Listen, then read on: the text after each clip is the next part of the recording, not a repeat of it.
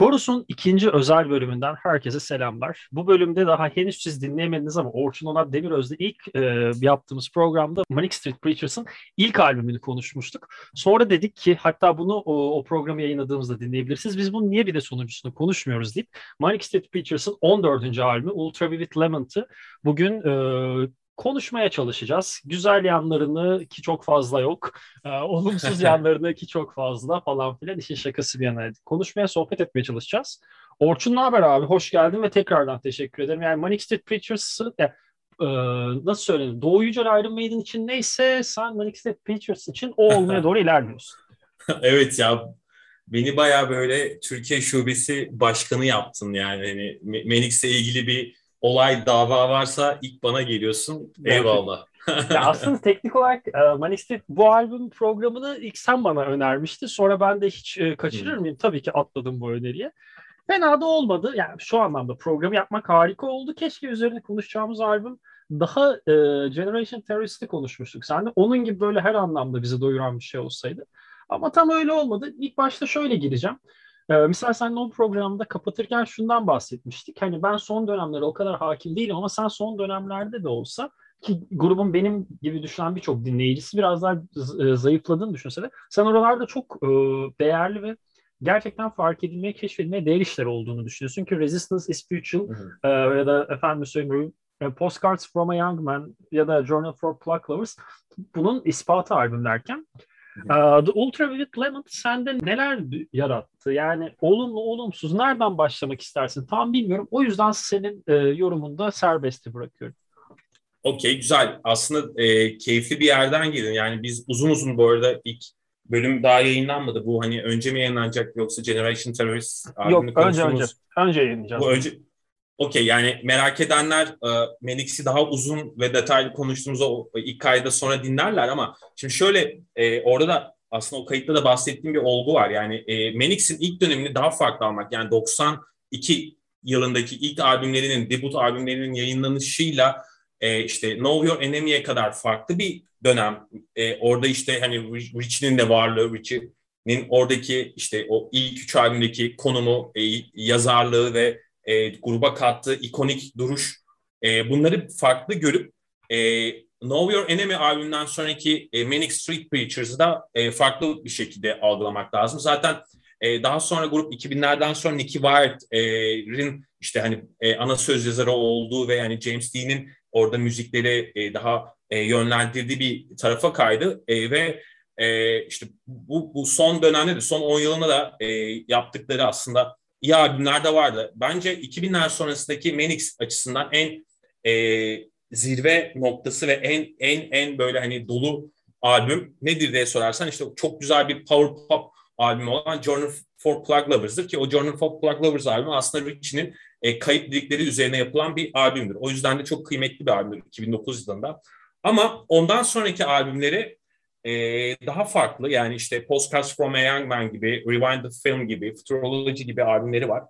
Bu albümlerde önemli bir detay var. O detay şu, Manix aslında ilk işte bahsettiğimiz 90'lı yıllardaki Manix daha böyle e, yani dönemin gitar sounduyla da ilgili olarak işte hani hep es geçilen bir nokta vardır. E, ben hep söylerim. James Dean aslında çok iyi bir gitaristtir ve e, Manix'te aslında e, gitar sound'u üzerine inşa edilmiş bir gruptur ve hani gitarlar açıldığı zaman Manix'in e, kalibresi de artar. Yani o işte Gold Against the Soul gibi falan albümlerde böyle hani o o e, gümbür gümbür ya da Generation Terrorist'te tabii ki o sound daha parlaktır ve çok daha aslında güzeldir. Ama e, bu son e, dönemlerinde özellikle işte bu bahsettiğim Journal for Plug Lovers e, dönemi sonrasında o albüm sonrasındaki Manix aslında daha cilalı kayıtlar yapmaya çalışan, daha büyük, daha böyle pop e, albümleri yapmaya çalışan, daha iyi böyle e, yani orkestra düzenlemelerin olduğu, daha e, aynı zamanda 70'lere de öykünen bir grup haline dönmüştür. E, du, Ultra Vivid Lament de aslında bu e, Menix'in bir yansıması gibi ama şöyle bir sorun var. Mesela bu anlayış evet yani Postcards from a Young Man'de çok iyi çalışıyordu. Hatta şöyle biraz daha geri saralım olayı. Send Away the Tigers albümü ki içerisinde e, hitler barındıran bir albümdür işte. Hani o albümdeki biliyorsun e, en büyük hit e, şey Your Love Alone parçasıdır. Yani o mesela... Zaten Nina Person'la e, mıydı cover ya da ben mi yanlış hatırlıyorum? E, yok yani şey e, o parça Cardigans'ın işte vokali e, şeyle Nina Person'dı e, ya. Nina, Nina Person evet Nina Person. Ben de öyle hatırlıyorum. Cardigans hatırlayamadım da Nina Person'da diyor. Aynen. Your Love uh, Alone is Not Enough miydi? Öyle bir şeydi. İşte doğru doğru Your Love Alone is Not Enough. İşte Indian Summer. E, o albümde böyle e, hitlerin olduğu bir albümdür.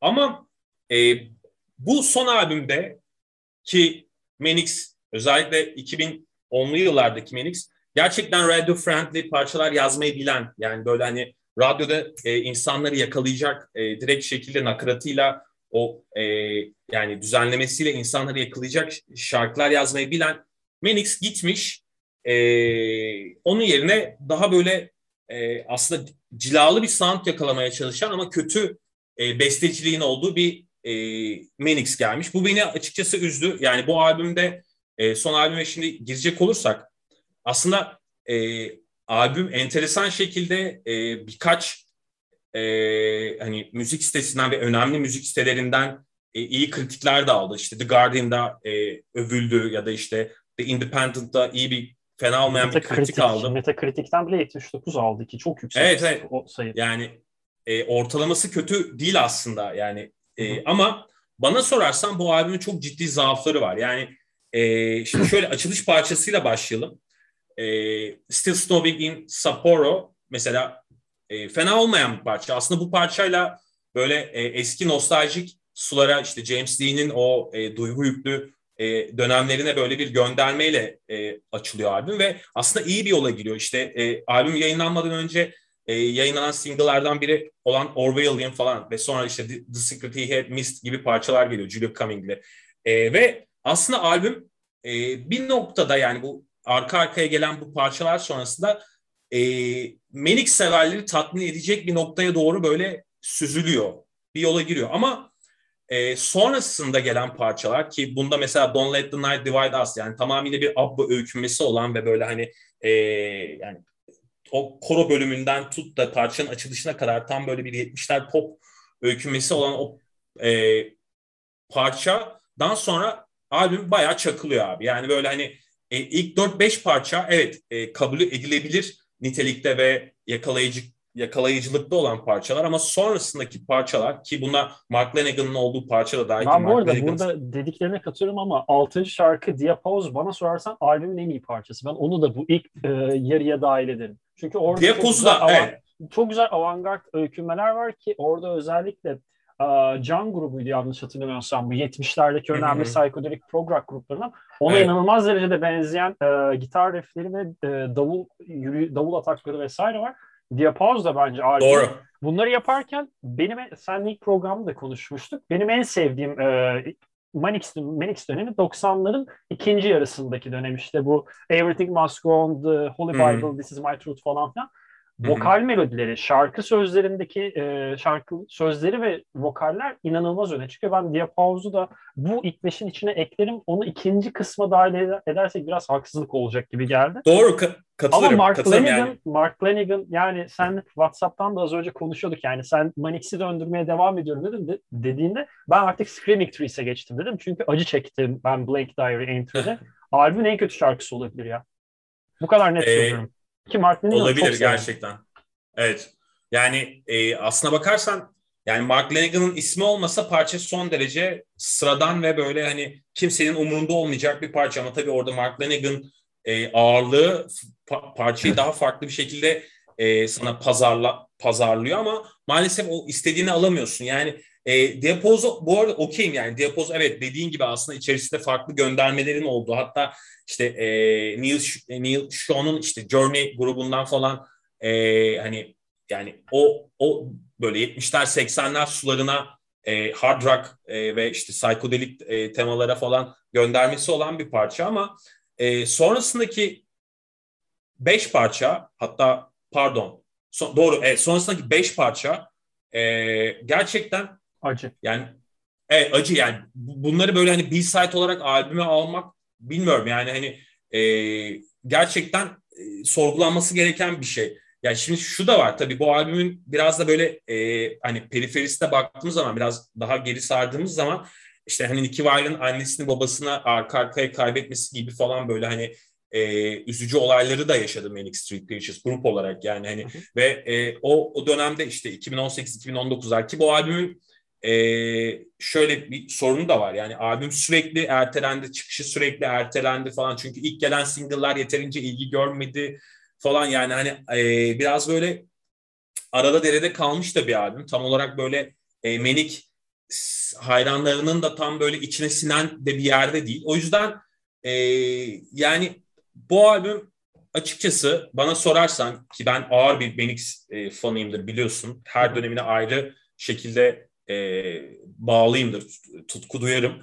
E, gerçekten hani e, Journal for Plug Lovers sonrasındaki zaten en kötü albüm. Buna e, zaten e, herhangi bir itiraz olacağını düşünmüyorum ama e, Manic Street Preachers diskografisindeki de en e, zayıf albümlerin başında gelir. Yani en sönük e, albümlerin başına gelir. E, bu, bu anlamda da ben e, Manix hayranlarının bana itiraz edeceğini düşünmüyorum. Ben bunları e, katılıyorum. Bir de şu son dediğine şöyle bir ekleme yapacağım. E, misal The Guardian'da direkt yazarın adını da söyleyeyim. Philip Mongrady'nin e, Phil Mongrady'nin bir e, tanımlama yapıyor. E, Abba benzerliği üzerinden ki birçok dünyadaki internet sitesi veya dergi hep Abba benzerliği üzerinden okumuş Ultra Vivid Lemon'ı. Orada şöyle bir hatta yazının hemen başında herhangi ABBA fanlarının tamamı için artık Kasım ayını beklemeye gerek yok. Manic Street Preachers'ın 14. albümünü dinlediğinizde bu süreçteki size yardımcınız olacak, yoldaşınız olacak falan filan. Şimdi bu açıdan ele alınırsa aslında ABBA'nın müzikal benzerlik bakımından evet bir ABBA havası var. Ama bu hem bence beni, e, bu yazı özelinde söylüyorum ki bunu gibi yazan birçok yer var hem e, Abba'ya hem de Menix'e bir hakarettir. Şu sebeple Abba'nın bugüne kadar yaptığı inanılmaz müzikleri ve o e, pop pop kültürünü oluşturan, pop müzik kültürünü oluşturan en değerli e, müzikal topluluklardan biri. Burada müzikal tabirini özellikle kullanıyorum. Ee, birçok kişi, birçok dünyaca ünlü pop müzik sanatçısı daha şarkı sözleri ya da sahne şovundan ilerlerken Abba'nın temel derdi her zaman şarkı yazarlığı olmuştur ki zaten Netflix'te birkaç ay önce bir belgesel vardı. Şu an adını hatırlamıyorum. Oradan da This İsveç... Is pop. This is Pop yaşa. Orada İsveç müziği üzerinden e, anlatılabilir. Hatta orada İsveçlere hep denir ya e, bir iş tamamlanmadığı sürece kendini övme gibi bir tanımları vardı İsveççe'de. Şu anda adını hatırlamıyorum. Bu sebeple, Stockholm sendromu bölümünü diyorsun hatta. Stockholm sendromu bölümü aynen. Evet, Onun evet. içindeki tanım da şu an ezber ezberimde yok çünkü şu an bilinç akışı olarak aklıma geldi. Yantelagen bu arada o Heh, e, kavramın adı. Çok teşekkür ederim Orçun. İmdadına yetiştim. Harika bir insansın. Şimdi e, Abba tarafından okumayı böyle yapacağım. Bunu Menix tarafına aldığımızda Menix'in müzikal yolculuğunun başlangıcından sonraki dönemdeki değişiminde dahi Abba benzerlikleri çok az ve sen 30 yıllık bir e, rock müzik grubunu ve dünyaya dam dünyaya damga demeyeceğim ama gerçekten e, kültleşmiş ya da birçok insana, birçok dünya çapındaki, dünya, dünya herhangi birindeki müzisyene ilham olmuş bir grubu direkt ABBA benzerliği üzerinden almak ve sadece bunun için dünyadaki birçok internet sitesinin bu albümü başarılı görmesi bana çok e, çiğ ve sığ geldi. Ben bu yüzden garip karşılıyorum. Ha, şarkılara gelecek olursak ben Sunflower Bean'i çok seven biriyim. E, Julia Cumming, bu arada belki bilmeyen dinleyicilerimiz varsa diye söyleyeceğim. Yani lütfen sana söyleyeyim gibi yanlış anlaşılmasın. Julia Cumming grubun e, vokalistliğini e, üstlenmekte. Mesela ilk başta dedik yani ilk senin dediğin 6 şarkı çok güçlü diye. Ben burada da tam olarak katılmıyorum. Katılmama sebebim uh, The Still Snowing in Sapporo her, Manix'in herhangi bir ya da Manix dışında bir grupta duysam büyük ihtimalle ya şöyle söyleyeyim ben bunu Killers'ın grubunun kötü bir albümü gibi değerlendiriyorum Ultraviolet Lemon'ı ve uh, Still Snowing in Sapporo, The Secret He Had Missed bir nebze Quest for Ancient Color bunlar kötü bir Killers albümünde olsa benim şaşırmayacağım e, şarkılar. Çok büyük grup bunlar ama yine de kendi içlerinde biraz daha alt seviyede kalıyor diye düşünüyorum. En azından hı hı. benim e, müziği dinlerken böyle bir e, düşüncem oluştu. Ama mesela Orwellian bir, birkaç tur dinlememde bu şarkı da benim için biraz daha vasat de, diyebileceğim bir noktadayken. Sonra şunu fark ettim çok aşırı derecede basit bir davul hata var. Şarkının tamamına işleyen zaten tıp tak tıp tak tıp tıp tak hatta Mor Ötesi'nin klasik şarkısı Cambaz'ın e, o davul nakarata girerken köprüdeki davul hatağının çok benzerinin düşük metronomlu hali. Hatta sonra e, metronomu falan bulup denedim. Birebir aynı versiyonu. O da hani davul çaldığım için eskiden onu da dinleyicilerimize benzerliği nereden keşfettiğimi öyle söyleyebilirim. Ama Orwellian o aradaki ufak davul hata, küçük e, klavye dokunuşları ya da efendime söyleyeyim bazı yerlerdeki vokalin çok çok vokalin önde olduğu bir şarkı için çok ciddi anlamda başarılı bir müzisyenlik var. Vokallerin gücünü tam yüklenmemişler ki bence bu albümün bu kadar başarısız tarafı içindeki en ama en kıymetli noktalarından biri Orwellian'daki bu tercihleri. Evet. Ee, ben bu yüzden biraz daha karam olumsuz taraftayım sana göre. Hani senle biraz böyle şey olduk. Janus e, heykelini bilirsin. Bu bir tarafa iki tarafa birden bakar ama hani e, işte şey hem güler hem ağlar değil de iki tarafa bakarken hem olumlu hem olumsuz tarafı görür ve suratında değişiklik olur. Ee, tamamen o noktadan biraz e, e, ele almak istedim senin yorumunun üzerine. O yüzden ben biraz daha olumsuz taraftayım ama Diapause'a dair şunu söyleyeceğim. Hatta uh, This Is My Truth, Tell Me Yours albümüne herhangi bir yerinden koysam kesinlikle kimse fark etmez. 2021'de mi yapıldı bu şarkı yoksa 1998'de mi diye. Ben öyle bir noktadan ele alacağım ve Doğru. Yani şimdi misal şarkı sözlerin, şarkı yazarlıklarını da geçtim. Misal e, şöyle bir noktaya geleceğim. Dave Eringa yine prodüktör koltuğu, prodüktör koltuğunda o oturuyor. E, evet. Columbia'nın, e, Columbia plak şirketini çıkardığı bu albümde. Ama mesela şunu düşünmeye başladım. Belki sen farklı bir perspektif katarsın bana. O yüzden sana soracağım. Hani aynı insanlarla aynı şeyi yıllarca çalışıp ve artık birbirine karşı her şeyini bildiğin kişilerle iş yaptığında bazen bazı yerlerde körleşme ya da sağırlaşma yaşanabilir. Dave Ellingham'ın da yaklaşık olarak galiba 25 senedir yani yanlışsam lütfen düzelt Everything Must Go ondan beri prodüktör koltuğunda o var diye biliyorum ben. Onun burada yer alması ve doğru doğru yani e, grup bu bağlantıdan dolayı Dave Eringa vesaire artık grup bir sağırlaşmayı birbirine karşı o objektifliği ve o olumlu anlamdaki fikir çatışmasından uzaklaşmış gibi hissettim. En azından öyle duydum. Sen ne demek istersin? E, şöyle doğru aslında çok e, aslında e, durumu izah eden ve e, doğru bir yerden yaklaşan bir taraftasın. E, e Eringa evet grubun eski e, aslında artık elemanı da sayılabilecek pozisyonda olan bir prodüktör ve e, tabii ki artık o iş ilişkileri e, başka bir bir şeye dönüşmüş durumda. Biraz ben bu e, bunu biraz Iron Maiden'ın Kevin Shirley ile e, yaptığı albümlere benzetiyorum. Yani hani Eringa ile olan Manix bağlamı biraz böyle Shirley ile Iron Maiden arasında da var. E, Iron Maiden'ın son yaptığı albümlerde görülebilir bu. E, dediğim gibi aslında e, bu sağırlaşma ya da e, yani körleşme evet maalesef var. Ama bu aslında e, Manix'in e, yıllar içerisinde artık yani böyle e, 14. albümünü yapan bir grup olarak gitmek istediği yolla da alakalı. Artık Manix e, yani hit besteler yazmak istiyor abi. Yani böyle e, özellikle 2000 işte o senin de bahsettiğin Sen Evet Tigers albümünden beri aynı formüller üzerine, aynı e, beste yazımı üzerine benzer şekilde konumlanan ve işte köprü, nakarat, köprü e, formülü olan ve böyle hani catchy olan e, iyi nakaratlardan oluşan ve e, işlenmiş yani işlenmiş bir sound yakalamaya çalışıyor. İşte düzenlemelerin, orkestral düzenlemelerin olduğu böyle bol içerisine parlaklık katılan bir, bir e, sound yakalamaya çalışıyor. Sen Killers örneğini verdin. Aslında Killers e, örneği kötü bir örnek değil, güzel bir örnek. Ama aslında Manix'in son yıllarda yapmaya çalıştığı, özellikle 2010'lu yıllardan sonra gitmeye çalıştığı daha böyle e, nostaljik ve aslına bakarsan 70'ler The Wall of Sound e, temalı bir yere doğru kaymaya çalışıyorlar.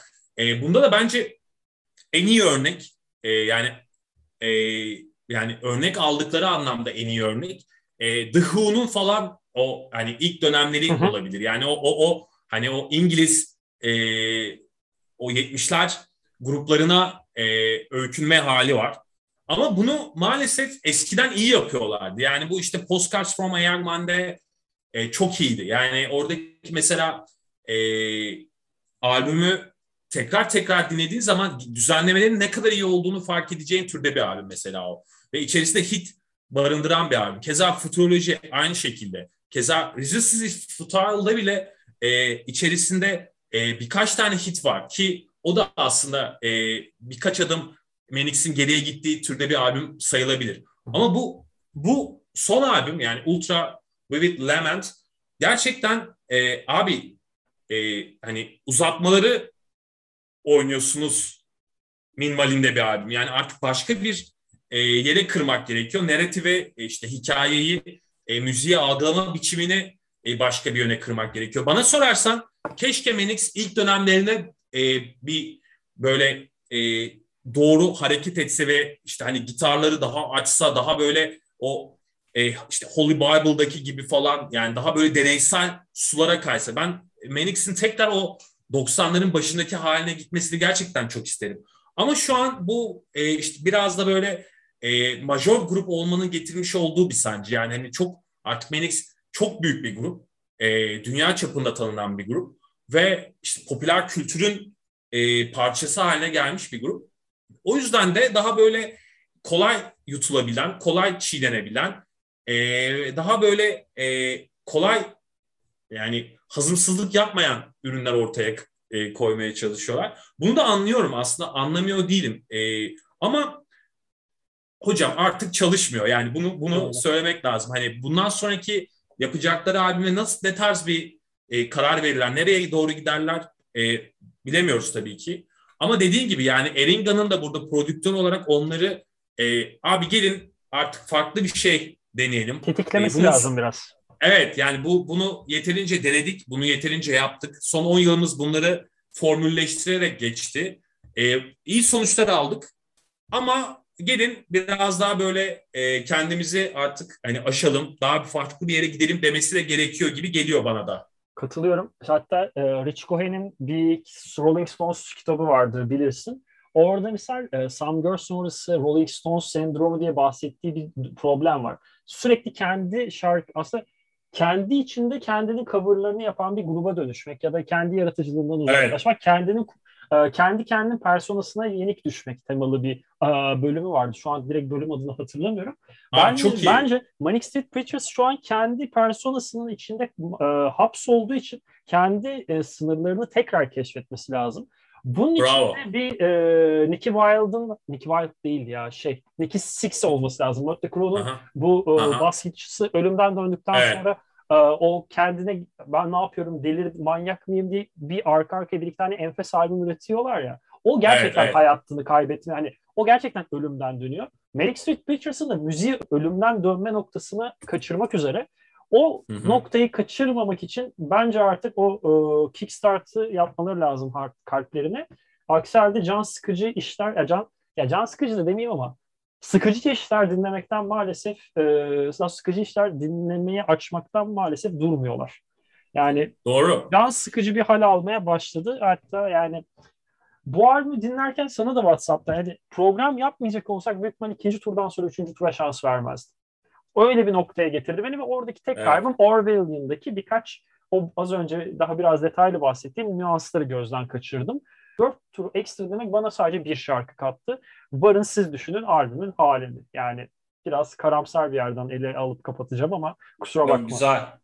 Ee, bu arada yani çok güzel bir örnek verdin. Evet Nick Six'in bu arada çok da severim. Yani e, sonra yani Mötley Crüe üzerine kurduğu Six AM e, grubunu da ayrıca severim. Yani oradaki bence e, yapmaya çalıştığı şey de çok değerli ve kendisine e, yeniden bulmasını sağlayan e, eylemlerden birisi. Maalesef Melix evet kendisinin kötü bir kopyası haline dönüşmüş durumda.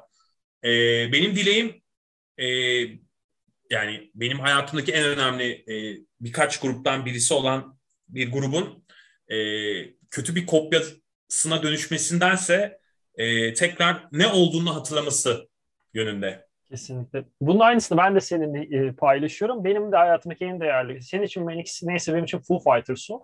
Foo Fighters da bana yıllardır bunu yaşatıyor. Ben de seninle Aa. aynı noktadayım.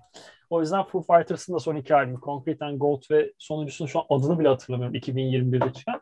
Evet, hani evet. o yüzden Manix'le beraber ben de seni Foo Fighters tarafından anlıyorum. Foo Fighters Foo Fighters'a dair de bir program yaparız istersen. Foo Fighters benim de çok sevdiğim e, Foo gruplardan biri. Foo Fighters benim bir numaram ya. Hani o kadar e, son albümleri diplerde olsa da benim için Sonic Highway's'in yeri çok çok ayrı. O yüzden yapalım. Sevinirim. Foo Fighters konuşacak insan arıyorum. Vallahi mutlu olurum. Foo Fighters'ın evet son albümde yılın hayal kırıklıklarından birisi ya. Benim bir numaram yılın hayal kırıklığında. İki, iki numarayı da senin de şu an e, kaydetmiş olduk. O yüzden kapatırken son sorumu soruyorum. albüme e, onluk e, düzlemde kaç verirsin? 10 üzerinden. E, onun üzerinden 5,5 veririm abi. Güzel. İyi. Bonkörlük. Ben 4 diyeyim. Ben 4 O da hani Menix e, hani e, hayranlığı vesilesiyle hadi 5'ten 5,5 yaptım. Ben Foo Fighters'a 2 vermiştim. Öyle söyleyeyim. ee, hiç acımam yok. Hiç, şey vardır ya insan sevdiğine daha da bir e, tırnak gömebilir ya görecek şey e, yüzü bulur ya kendine. Ben biraz o noktadayım. Ee, Orçun çok teşekkür ederim. Hani e, çok keyifliydi. Bu, bu albüm üzerine yapılabilecek bir sohbetten bir insan ne kadar keyif alma şansına sahipse ben o kadar keyif aldım. Onun için çok zor Eyvallah. bir iş başardım. Teşekkür ederim. Umarım sizler de keyif almışsınızdır. Ee, son olarak eklemek istediğim bir şey varsa seve seve dinliyorum. Aksi halde izninle programı kapatacağım. Son olarak eklemek istediğim şey Foo Fighters'ın da e, yaptığı son iyi albüm Wasting Light'tır abi. Sonic Highways bende çok ayrı da benim e, yaş size göre biraz daha arkada geldiği için üniversite hazırlık biraz daha bir, birkaç şarkının hatırına bir de e, Sonic Highways üzerine yapılmış bir e, belgesel dizi vardı izlemişsindir. Onun da yeri evet, ayrı evet, bende. Evet. O yüzden evet. ben buna Sonic Highways diyorum ama Wasting Light Wasting Light olmasa ben büyük ihtimalle müzik dinlemezdim. O kadar net söylüyorum. Yani çünkü 10, evet. 13-14 yaşındaydım o albüm çıktığında ve arkadaşlar ben buradayım dediğimi çok net hatırlıyorum. Volkdark'ta Dream TV'de klibi çıkmıştı. Hey gidi günler. Evet. Biz nostaljiye dönmeden ben kapatıyorum. Eyvallah. İyi bak kendine. Sizlere de dinlediğiniz için tekrardan çok teşekkür ederiz. Ee, Korus hem özel bölümlerle hem normal akışındaki bölümlerle devam edecek. Kendinize iyi bakın. Hoşçakalın. Görüşmek üzere.